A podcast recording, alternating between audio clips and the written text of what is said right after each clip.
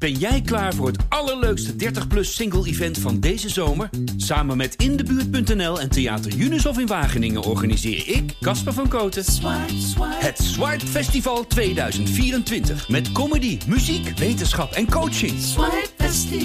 Maar vooral heel veel leuke mensen. Bestel nu je kaart op swipefestival.nl. Swipe, swipe.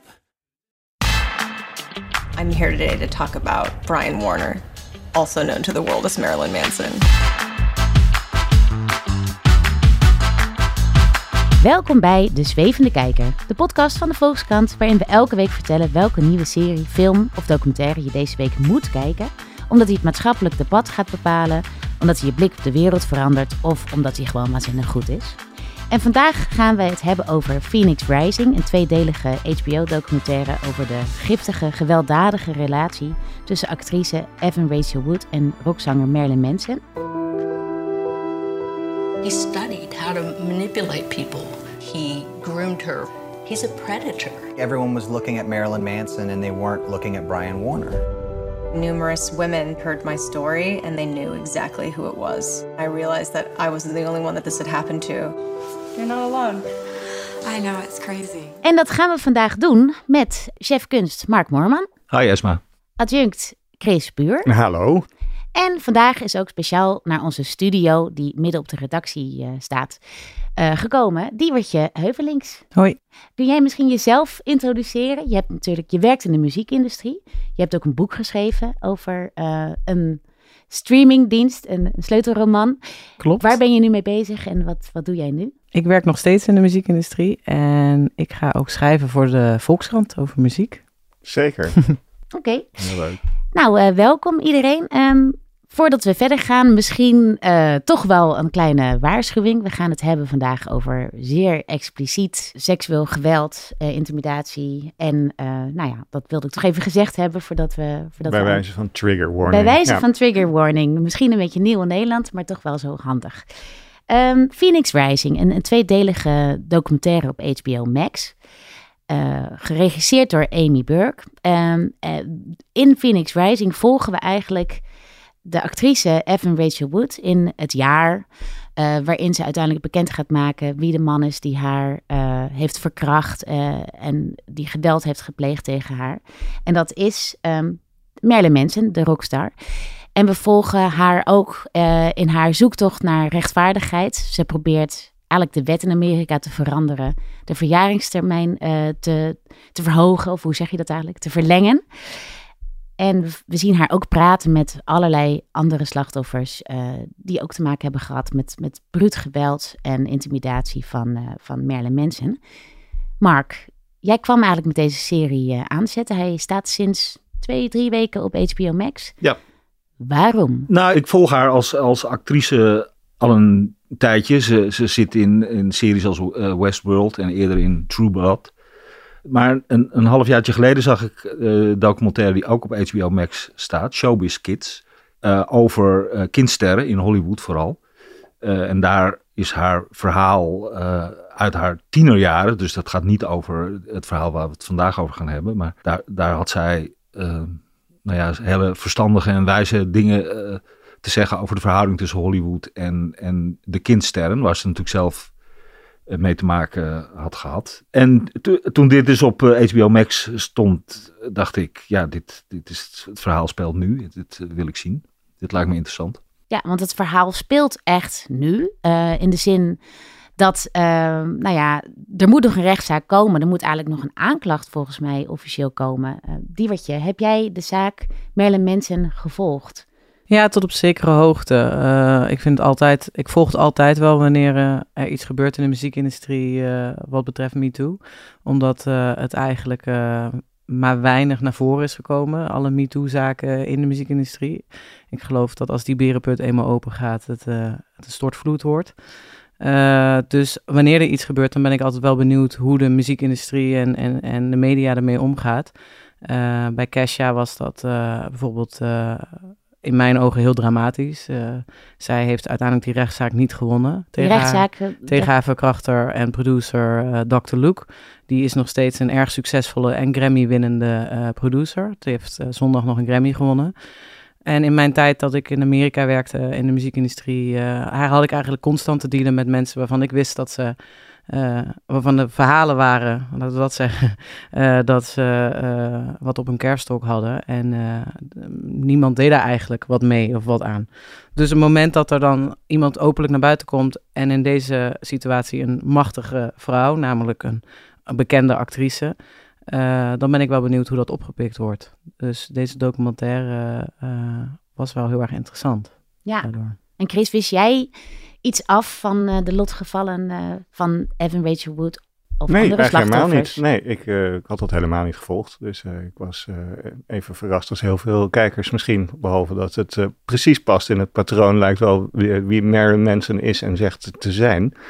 Dus in die zin hoeft het ook weer geen verrassing te zijn. Maar nee, ik wist hier niks van, van deze zaak. Want Marilyn Manson, um, dat is zeker in Amerika een, een hele grote, een heel, heel erge grootheid. Ja. ja ik heb eigenlijk nooit echt uh, naar hem geluisterd. Jij, Chris? Nou, hier en daar een singeltje dat ik wel aardig vond. Maar over het algemeen is het uh, een beetje clichématige muziek. Ik bedoel, aan de andere kant is hij niet voor niets een hele grote ster geworden. Omdat hij gewoon heel goed weet hoe hij met die clichés om moet gaan. Het is rock en heel lekker geproduceerd. En een klein beetje dansbaar. En een klein beetje heavy. En vooral heel veel uh, horror imagery die eigenlijk precies uit uh, de, de lade van de Amerikaanse beetje independent horrorfilm komt. Uh, en daar speelt hij veelvuldig en vol overgave mee. En aangezien voor jou dit verhaal helemaal nieuw was, wat, wat was voor jou het meest indrukwekkende of misschien schokkende element van de beschuldigingen die ook Evan Rachel Wood maakt?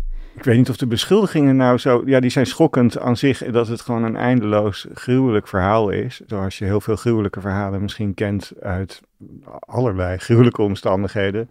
Schokkender vind ik eigenlijk om te zien hoe zwaar het voor iemand is om vervolgens uh, te bekennen dat je zoiets hebt meegemaakt. Omdat het met zoveel schaamte omhuld is en hoe moeilijk het eigenlijk is... En daarom is die verjaringstermijn ook zo belangrijk, hoe moeilijk het voor iemand is om toe te geven dat je gemanipuleerd bent, dat je hierin bent gestapt, om je te weer te stellen, in dit geval in het openbaar tegen fans, tegen een imago dat je uh, hebt gekregen van een soort, nou ja, hoor werd ze de hele tijd genoemd, omdat ze dan zo'n tienerster zou zijn die met haar Lolita-kwaliteiten speelt.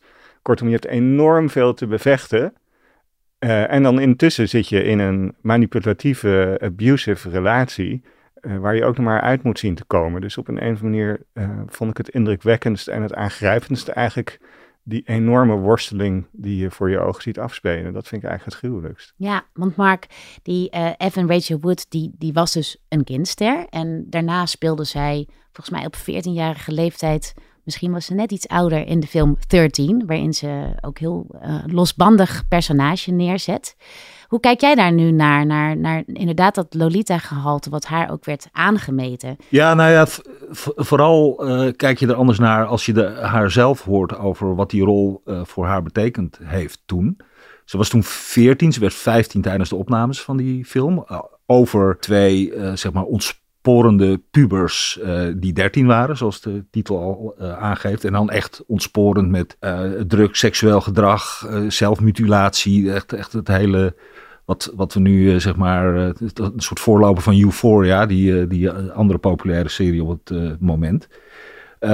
wat, wat zij zelf over die rol zei, die echt haar doorbraak was, ze werd genomineerd voor alles en nog wat, was dat veel mensen en ook veel mensen uit de industrie haar als jonge actrice gingen verwarren met de rol die ze daar had gespeeld. Um, en, en dat heeft haar toen wel heel erg in de weg gezeten. Um, en um, daarvan heeft ze. Dat, dat is echt een soort kantelpunt geweest in haar carrière, weet je wel. En richting succes. En richting nou ja, de, de foute kanten van, uh, van Hollywood. En daarin zit wel een interessante parallel, want tegelijkertijd werd Brian Warner en Marilyn Manson, die twee rollen werden ook voortdurend door elkaar gehaald, ja. ook door haarzelf. Um, ik, ik sprak uh, uh, ook met Aafke Romein, zangeres en artiest, en ook een van de schrijvers van een brandbrief naar aanleiding van de onthullingen in Boos over de The Voice. zij heeft ook naar de documentaire gekeken en zij had hier dit over te zeggen. Het is wel een vrij Amerikaans opgezette documentaire. Dus met heel veel emotie, met veel uitvergroting, met veel uh, beeldmateriaal dat dat zeg maar nog meer moet inkleuren, zeg maar, hoe erg het allemaal is. Maar ook los daarvan, ja, is het gewoon een verhaal dat overeind blijft staan over een man die uh, dus echt meerdere vrouwen ernstig heeft mishandeld, misbruikt, verkracht. Uh, binnen relaties. Dus dat is, ik denk dat misschien het het schokkende aan deze documentaire ook wel zit in het grijze gebied dat je dus een relatie aangaat en dat uiteindelijk binnen die relatie het misbruik plaatsvindt. Dat vond ik ook een beetje zeg maar één stap te ver, omdat je met die animaties, ja, die zijn heel suggestief natuurlijk, die zijn heel erg uh, vanuit het slachtoffer getekend en, en, in, en gekleurd, letterlijk en figuurlijk zeg maar. Ja, en ik vond het vooral in die zin ook problematisch, omdat voor mijn gevoel de makers van de documentaire en Evan Rachel Wood zelf het gevoel hadden dat ze ook moesten uh, beargumenteren dat, um, dat Marilyn Manson haar echt gegroomd had als een soort pedofiel. Dus dat zij ook niet vrijwillig die relatie was aangegaan. Terwijl, en dat werd dan vooral uitgespeeld als zijnde van ja, hij was veel ouder en hij had een machtspositie. En dat vond ik een heel eenzijdig beeld van hoe relaties ontstaan. En dat is ook voor mij iets heel persoonlijks. Ik heb, uh, ik heb, ik heb een flink aantal jaren een relatie gehad met mijn hoofdvakdocent op het conservatorium, die, uh, die ook 22 jaar ouder was dan ik. En natuurlijk een machtspositie had, omdat hij heel bekend was en ik niet. En ik was heel jong. Als je daar zeg maar, als je kwaadwillend zou zijn, zou je daar eenzelfde documentaire over kunnen maken. Althans, de beginstadia. Zo van, oh ja, hij heeft haar gegroomd en was zelf een student. Maar de praktijk is gewoon helemaal niet zo. In de praktijk heb ik hem versierd. En uh, was dat echt iets wat van beide kanten kwam. Mm -hmm. Dus ik vind, ik vind dat er ook heel snel een heel eenzijdig beeld wordt geschetst van... oh joh, meisjes van onder de twintig zijn altijd slachtoffer. En in mijn, in mijn ervaring in ieder geval is dat absoluut niet altijd het geval. Hoe kijk jij daarnaar, Diewertje? En wat vind je van haar punt? Ja, ik ben het helemaal met de eens. Ik vond de, de animaties, naast het feit dat ze echt verschrikkelijk waren, waren ze ook gewoon totaal onnodig. Uh, het, het, ik, ik vond Evan daar niet sympathieker door. Ik vond, maar ik denk wat ook belangrijk is inderdaad, is al was zij wel uh, volledig um, de, de, de aanstichter van deze relatie en wou zij, was zij degene die Marilyn probeerde te versieren. En uh, al had ze graag zichzelf gesneden om haar liefde voor Marilyn te laten zien, al was dit allemaal met consent gebeurd vanaf het begin. Het moment dat er geen consent meer is, maakt dat allemaal niet uit wat er vooraf is gebeurd. Het moment dat, dat, is, dat zie je ook in BDSM-relaties, het moment dat een van de twee het, het, het safe woord zegt, moet er gestopt worden. En als dat niet is, dan is er sprake van misbruik en, en soms ook verkrachting. Dus dan ja, dan, dan maakt het helemaal niet uit of je een engel bent uh, of dat je dit eerst wel wou en achteraf niet.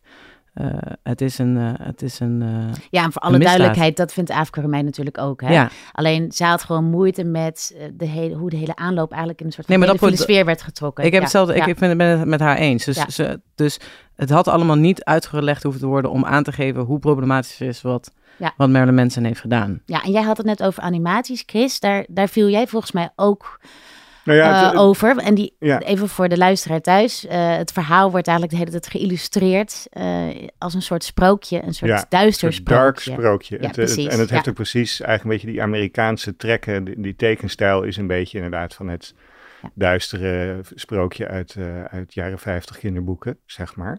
Dat, dat is allemaal, dat is een onderdeel van een reeks retorische middelen die, die de film gebruikt om haar op een voetstuk te zetten. Dat, en dat begrijp ik aan de andere kant ook wel weer, want die film heeft volgens mij heel erg de bedoeling om uh, van degene die dus zo'n bekentenis doet en die dus uiteindelijk durft om uh, de persoon aan te klagen, de misbruiker aan te klagen en daarmee in de openbaar te treden, om die op een voetstuk te zetten, om daar, daar een heldin van te maken.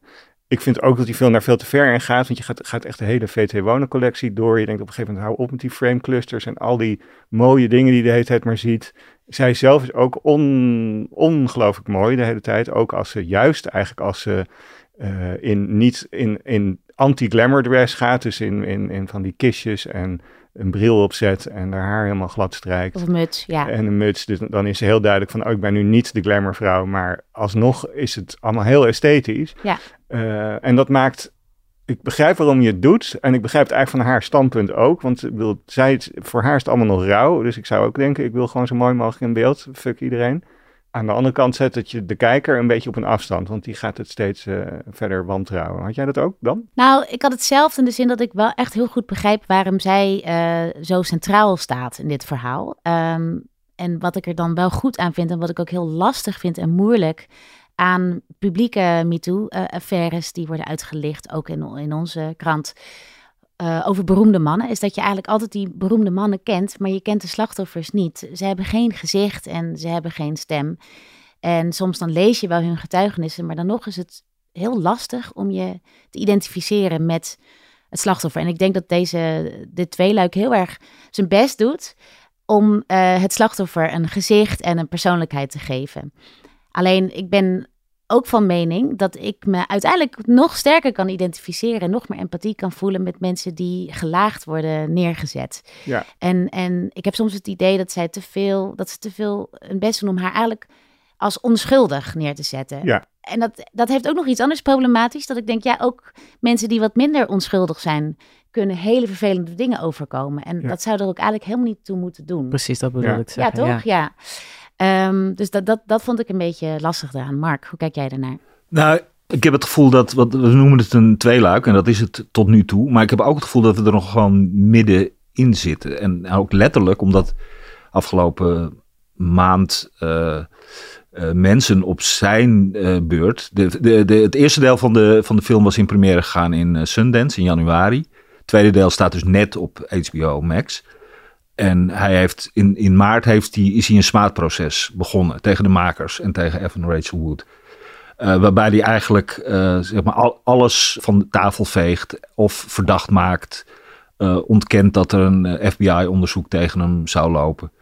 En nou ja, alles en iedereen eh, een leugenaar eh, noemt. Dat, het is natuurlijk ook een, een gekende strategie. En zeker, zeker in de Verenigde Staten. Dat je iedereen juridisch te lijf gaat en dreigt met advocaten. Nou, in Nederland inmiddels ook. Ja, dat, dat, dat is. eh en De kijk, jonge vrouw die aanklacht tegen Marco Borsato heeft gedaan, heeft natuurlijk nu ook een smaad- en lasterzaak tegen zich lopen. Dus Ja. dat, wat dat betreft is er wel een parallel met het Maar je, je hebt echt wel het gevoel dat, er, dat, het, dat je naar een soort lopende kwestie zit te kijken. Waarbij dit een deel van haar, nou ja, bijna haar openingsverhaal is in een, in een zaak die kennelijk dan via de media nu wordt uitgevochten. Ja, zolang we, nog, zolang, we nog, ja. Ja. zolang we nog niet in de rechtbank zijn, is dit haar podium om haar verhaal te doen. Ze, ze zegt ook zelf, althans in die film, eh, ik moet wel heel erg publicitair op de trom slaan, want anders dan eh, worden dit soort zaken blijven gewoon drie, vier jaar liggen bij de FBI. En ook daar kennen we in Nederland natuurlijk eh, met heel veel stukken en artikelen, ook in onze krant, voorbeelden van dat dit soort misbruikzaken eh, ja, heel moeilijk te onderzoeken zijn en dat er geen politiecapaciteit voor is. En dat die dat niet doen. Dus het is ook eh, bedoeld, deze hele film, om, eh, om er een beetje vaart achter te zetten. En dat maakt het wel begrijpelijk, zeg maar, het retorisch geweld, vind ik, waarmee, waarmee deze film wordt gebracht. ja, Ja, en ook wel jij- interessant. Ja, en dan nog te beseffen dat, eh, dat, het, eh, dat Marilyn Manson op dit moment eh, optreedt met, eh, met Kanye West. En dus wederom een platform krijgt. En als iets duidelijk is geworden, dat als hij een speelveld krijgt waar die, waar die want we hebben het over, Afrika had het over dat het vaak vrouwen in relaties zijn die nu naar voren komen. Maar er zijn ook, denk ik, heel veel fans, of zoals Marilyn ze zelf wil noemen, groepies, die vreselijke dingen met hem mee hebben gemaakt. Hij heeft zelf al uh, naar eentje bekend in de documentaire. En het feit dat uh, er een speelveld wordt gecreëerd waar hij zijn, zijn, uh, ja, zijn misbruik kan botvieren op, op mensen die naar hem opkijken. En hetzelfde wat er ook gebeurde bij R. Kelly. Mensen nog steeds denken, zolang hij niet in de bak zit, zal er wel niks mis zijn. Is er, zullen er meer slachtoffers vallen? Ja, ja. En wat dan opvallend is aan, aan, aan hem, en misschien ook wel andere artiesten, is dat uh, hij wordt ook beschreven in de documentaire uh, door de broer van Evan Rachel Wood als een wolf in wolfskleren eigenlijk. Um, en wat, wat heel erg aan hem opvalt, is dat uh, hij gewoon openlijk praat over uh, misbruik, uh, over hoe hij vrouwen slaat. Die, in zijn memoir heeft, beschrijft hij hoe hij zijn eigen moeder heeft geslagen. En hoe hij vriendinnen heeft bedreigd met de dood. En toch is hij daar dan de hele tijd mee weggekomen. Hoe kijk jij daar dan naar, Chris? Wat, wat, wat, wat zegt dat over misschien ook de popindustrie? Nou, het, het zegt vooral dat je ook heel erg gewend bent geraakt als consument of als kijker. dat heel veel van dit soort verhalen die in popmuziek worden verteld.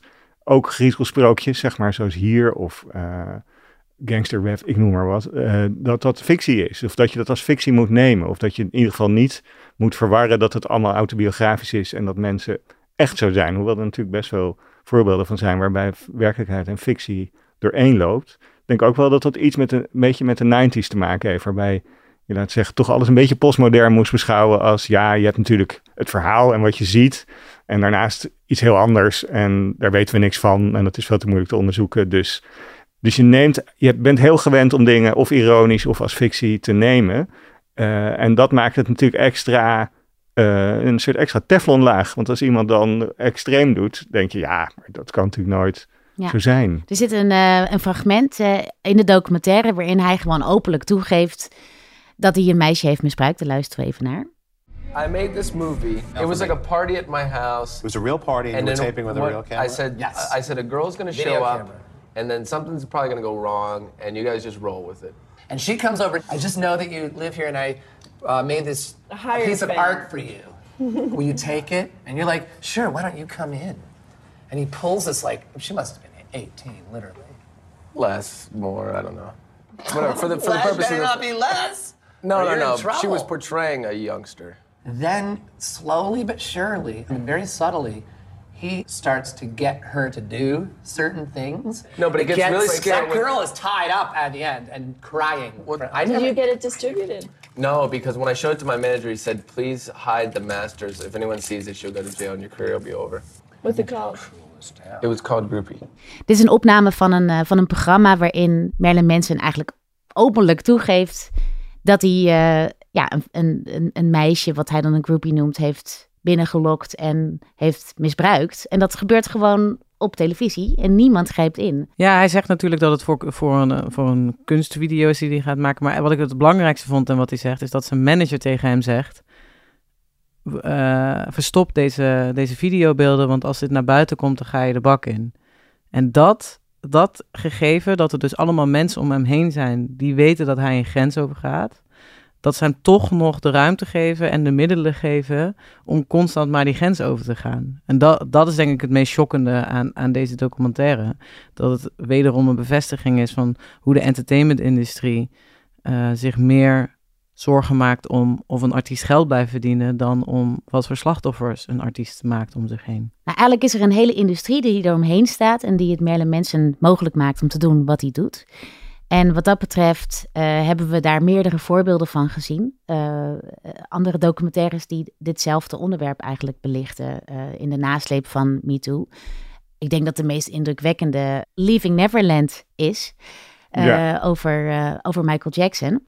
Ehm, maar er is ook een documentaire on the record over eh, misbruik en intimidatie bij Def Jam Records bijvoorbeeld. En dan is er nog de documentaire over R. Kelly. Volgens mij hebben jullie die ja. gezien? Ik heb die niet Surviving gezien. R. Kelly heb ik Surviving gezien. R. En daar zit ja. eigenlijk dat ook Ja. precies, zit ook zo'n fragment in dat een van zijn, ja, iemand uit zijn entourage, producer volgens mij, ook eh, zegt, ja, we zagen hem inderdaad met allemaal veel te jonge meisjes. En we dachten ook wel, ja, dit kan eigenlijk helemaal niet. Maar ja, ja we deden toch maar niks. Daar komt het eigenlijk op neer. Maar vinden jullie dan dat dat ook genoeg wordt uitgelicht in deze documentaire?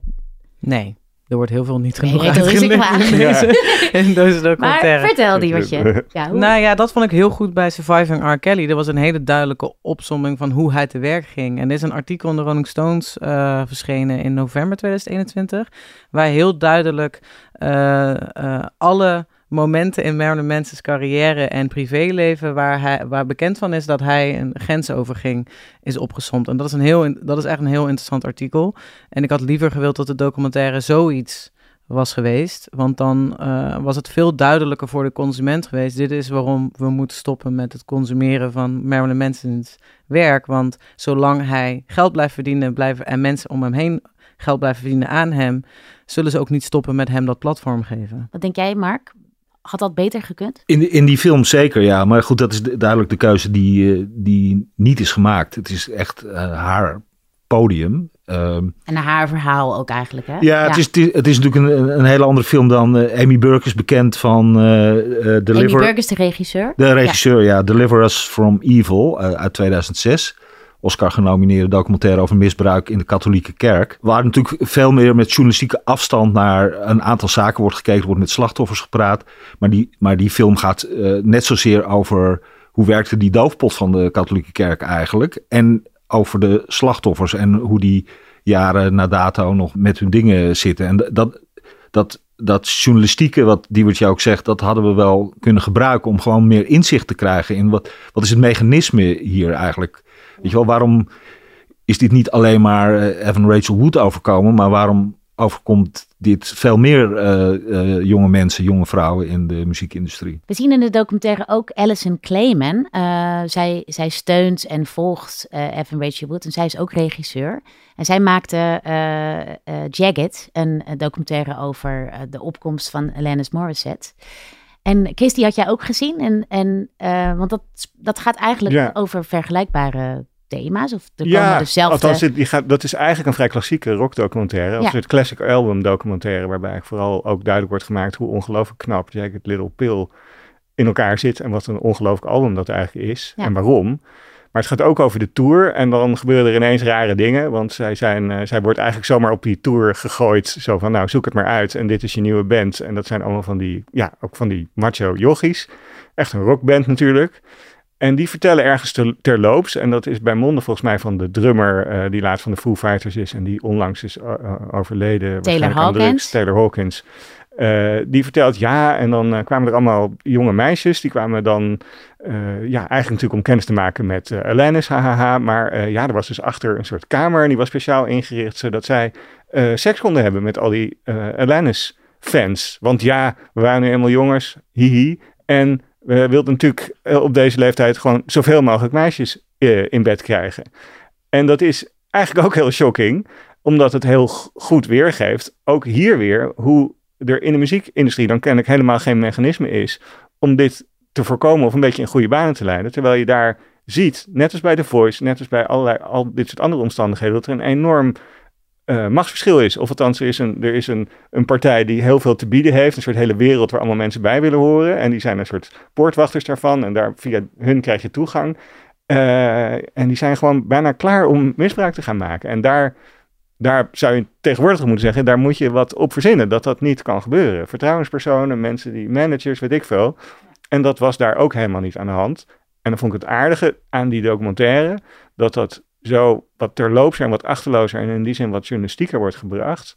Waardoor ik het eigenlijk bijna ontluisterender vond dan dat je lang naar uh, even Rachel Wood haar verhaal zit te luisteren. Hoewel ik toch nog een beetje voor de film wil opnemen, omdat ik wel denk, ja, het, is, dat is een, het, is een, het wil helemaal geen journalistieke documentaire zijn. Het is een verslag van een persoonlijke aanklacht en wil laten zien hoe moeilijk en hoe heldhaftig dat is. En daar slaagt die film wel in. Al hadden die ja, daar ben ik het echt animaties mee eens. Eh, weg ja. kunnen laten. Maar ja, dat, Chris zegt dat wel. Dat, dat, dat is denk ik niet duidelijk genoeg gemaakt, ook door mij. Is dat hoe ontzettend moeilijk het is om zelfs dus als je zo'n succesvolle en, en tussen haakjes machtige vrouw bent als een Evan Rachel Wood, dat, het, dat je dan nog dood, doodsbang bent om naar buiten te treden tegen, uh, tegen Marilyn Manson, die volgens mij op een gegeven moment ook niet zo ze stonden denk ik wel gelijk qua bekendheid op een gegeven moment in Evan Rachel Wood's carrière. Eh, is ook, ook niet mis.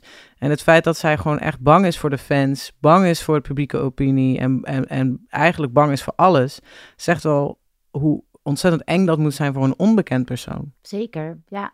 En ik denk ook dat daar, dat is ook op een bepaalde manier heel logisch, maar als je het geweld hebt meegemaakt wat zij heeft meegemaakt, is echt vastgebonden en nou, de meest verschrikkelijke dingen zijn haar overkomen. Dat verlaat je lijf gewoon niet. Dat vond ik wel.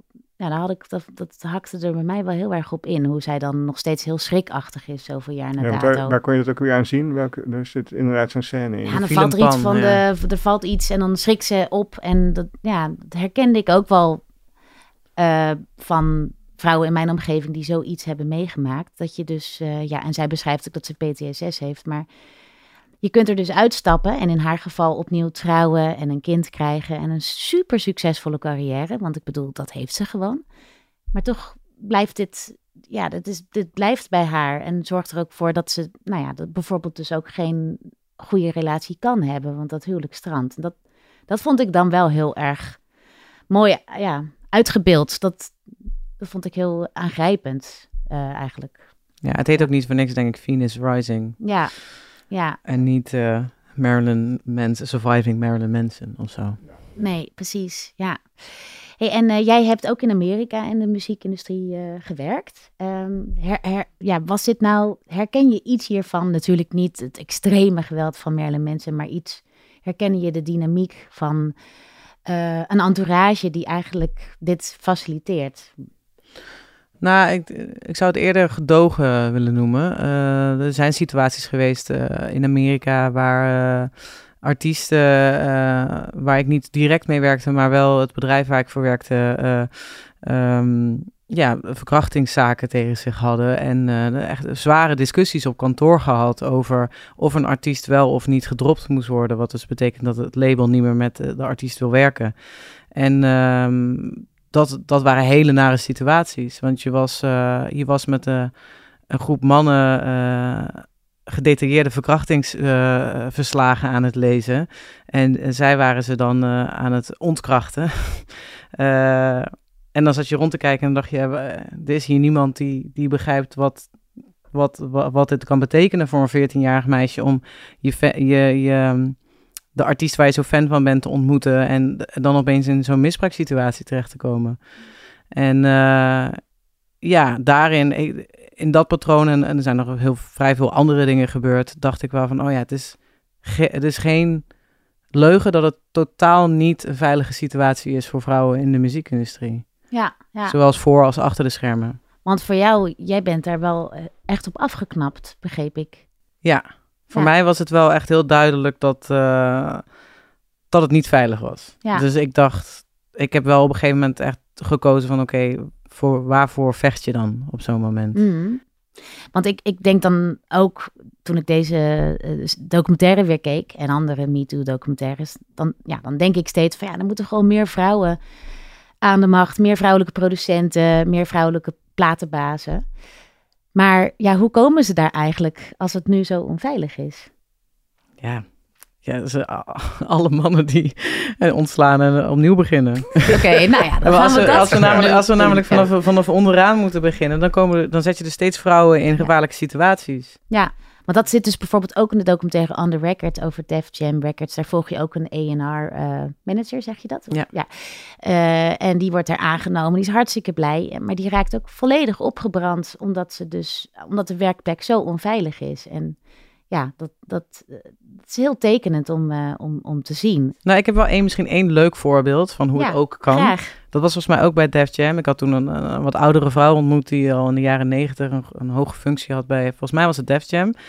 En zij um, was toen een ENR-manager en er kwam een manager van de artiest bij haar op kantoor op bezoek. En ze waren het ergens niet over eens. En toen was die manager zo boos op haar dat hij het een goed idee vond om ze letterlijk zijn lul op tafel te leggen. Dus die haalde zijn piemel uit zijn broek en legde het op, op, haar bureau.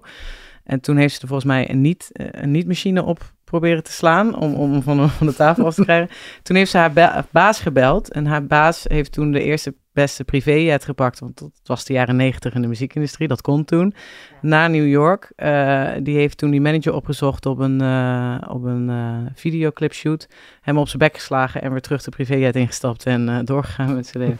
Zo werd er dus in de jaren negentig mee omgegaan. Juist, ja. Ja, ja. ja. Beetje John de Mol, ik laat je alle hoeken van de kamer Ja, zien, don't mess. Ja, ja, dan heb je dus een, wederom een machtige vrouw die het voor elkaar krijgt dat een andere machtige man, een, maar die man blijft wel in, in de industrie werken als hij dit al durft te doen bij zo'n machtige vrouw, wat durft hij dan wel niet te doen bij zijn assistent, zijn stagiair, ja. artiesten die ja. erin Ja, komen. precies. Ik sprak dus uh, uh, over Phoenix Rising met uh, Afke Romein, die dus naar aanleiding van The Voice een, een, een open brief heeft gestuurd, opgesteld met andere zangeressen over wat er moet veranderen in de Nederlandse muziekindustrie, waar dit soort onveilige situaties ook spelen. Um, en ik pleit, nou ja, ik pleit zelf voor twee dingen, namelijk er is een meldpunt, Morris heet dat. Uh, daar moet gewoon veel meer geld heen. En dat moet door iedereen in de industrie erkend en ondersteund worden en serieus genomen worden. Zodat we één centraal meldpunt krijgen waar dit soort dingen binnenkomen. En zodat zij patronen kunnen gaan ontwaren en kunnen gaan helpen en uh, juridische bijstand kunnen leveren. En het tweede is dat mensen binnen de sector uh, zichzelf echt achter de oren moeten krabben. Moeten denken van hoe kan ik mijn werk, werkomgeving, mijn bedrijf veiliger maken en inclusiever maken. Dat is ook heel belangrijk, want dat gaat niet vanzelf. Nou, Afrika pleit dus voor een uh, cultuuromslag. En zij is ook voorstander van een do-it-yourself cultuur. Dat vrouwen eigenlijk meer in eigen beheer hun muziek gaan uitgeven. En ik droom er eigenlijk nog van dat er meer vrouwen aan de top komen van die muziekindustrie. Dus ja, zou het er niet deze zijn als, als vrouwen gewoon nu zelf uh, platenmaatschappijen op gingen zetten? Wat vind jij, Diewertje? Ja, of managementbureaus. Je hebt in Nederland al een paar door vrouwen geleide managementbureaus. En uh, ik denk dat dat vooral belangrijk is. Dat er een, een team van vrouwen. Bij, bij labels is het belangrijk. Dat is handig. Maar als er een, een, of een artiest een goed management heeft die begrijpt waar ze vandaan komt, dan kan, kan dat management ook opkomen voor de artiest. Ja. Dus als er meer vrouwelijke managers zijn en uh, uh, ja, als, als het serieuzer wordt genomen op de werkvloer. Al moet ik zeggen dat in Nederland is het natuurlijk absoluut niet perfect, maar er werken al vrij veel vrouwen bij, bij uh, labels en publishers hier in Nederland dat, dat die ook steeds meer zeggenschap krijgen. Dus er is toch wel al het een en ander aan het veranderen, vind jij? Zeker. Goed dus, uh, Phoenix Rising. Te zien op HBO Max. Ga vooral kijken en vel je eigen oordeel. Dit was de Zwevende Kijker. Dank voor het luisteren. En ik wil ook heel erg bedanken Diewertje Heuvelings dat ze bij ons in de studio zat. En Aafke Romein. Techniek en montage van deze podcast worden gedaan door Timon Hageman en eindredactie door Corine van Duin. En wil je op de hoogte blijven van al onze podcasts? Meld je dan aan voor de podcast nieuwsbrief via het linkje in de show notes.